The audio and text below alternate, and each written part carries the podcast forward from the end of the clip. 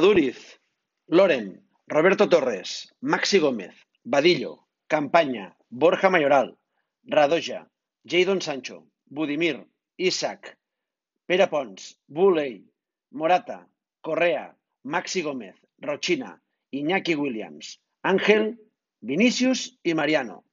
No, no es la lista de futuribles que maneja Vidal, que por los nombres de la lista y el currículo del secretario técnico, ojo, bien podría ser, sino que son todos los jugadores que le han marcado un gol al Barça a partir de la hora de juego. Un total de 21 goles ha encajado este año el Barça en la última media hora de partido. El de Pera Pons, eso sí, en el minuto 56. Seis goles del 60 al 70. Cuatro goles del minuto 70 al 80. Cinco goles del 80 al 90 y cuidado, cuatro goles en el añadido. Tremendo, sí. Casualidad, ya no tanto. Y cuidado que no estamos hablando de la aristocracia europea precisamente. Veamos, dos goles del Athletic, dos del Valencia, cuatro del Levante, cuatro, dos del Madrid y uno de Dortmund, Betis, Granada, Getafe, Osasuna, Alavés, Mallorca y Español. La creme de la creme, vamos. Y 14 de los 19 adversarios en la liga, ni más ni menos. Mientras les aguanta el físico a las vacas sagradas, el Barça es reconocible. Reconocible, insisto. No dominante, no peligroso, no jerárquico. Ya no. Apenas reconocible.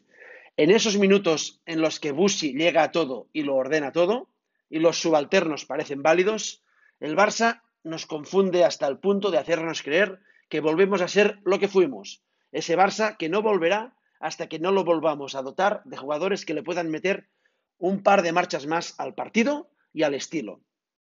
Cuando el físico de los buenos dice hasta aquí, los subalternos muestran todas sus costuras y el equipo se rompe como se habría roto en mil pedazos ya en 2013 de no mediar cada noche un vigoroso genio llamado Leo Messi.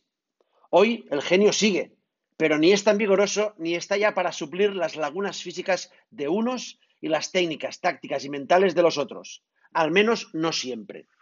Al genio hay que acompañarle con primeras espadas. El genio pide a gritos empezar a ser ya la guinda de otro gran equipo que está por construir. Y lo que es peor, que está hasta por pensar en una directiva que vive al día y que tiene como única prioridad seguir en el gobierno de una entidad a la deriva en lo institucional, en lo social, en lo económico y ahora ya también en lo deportivo.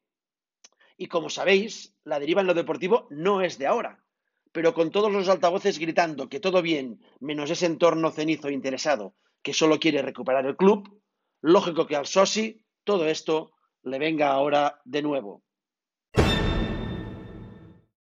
La Euroliga acaba de conceder a Nikola Mirotic el MVP de febrero, en el que el montenegrino promedió 21 puntos, 6 rebotes y 25 y medio de valoración.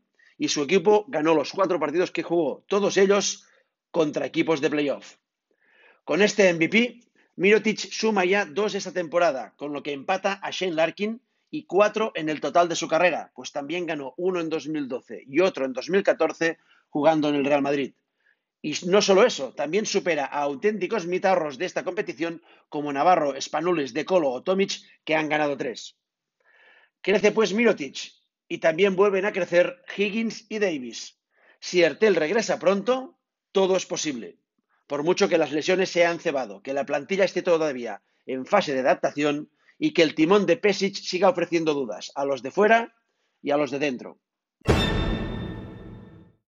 No sé por qué, pero esto de llamar Barça Gate y no Gate al escándalo de las redes sociales me recuerda a cuando en el caso Neymar y estando imputados Bartu, Sandro y el Barça, la cosa acabó con el Barça condenado y aceptando la condena y con la fiscalía dejando de acusar a Sandro y Bartu.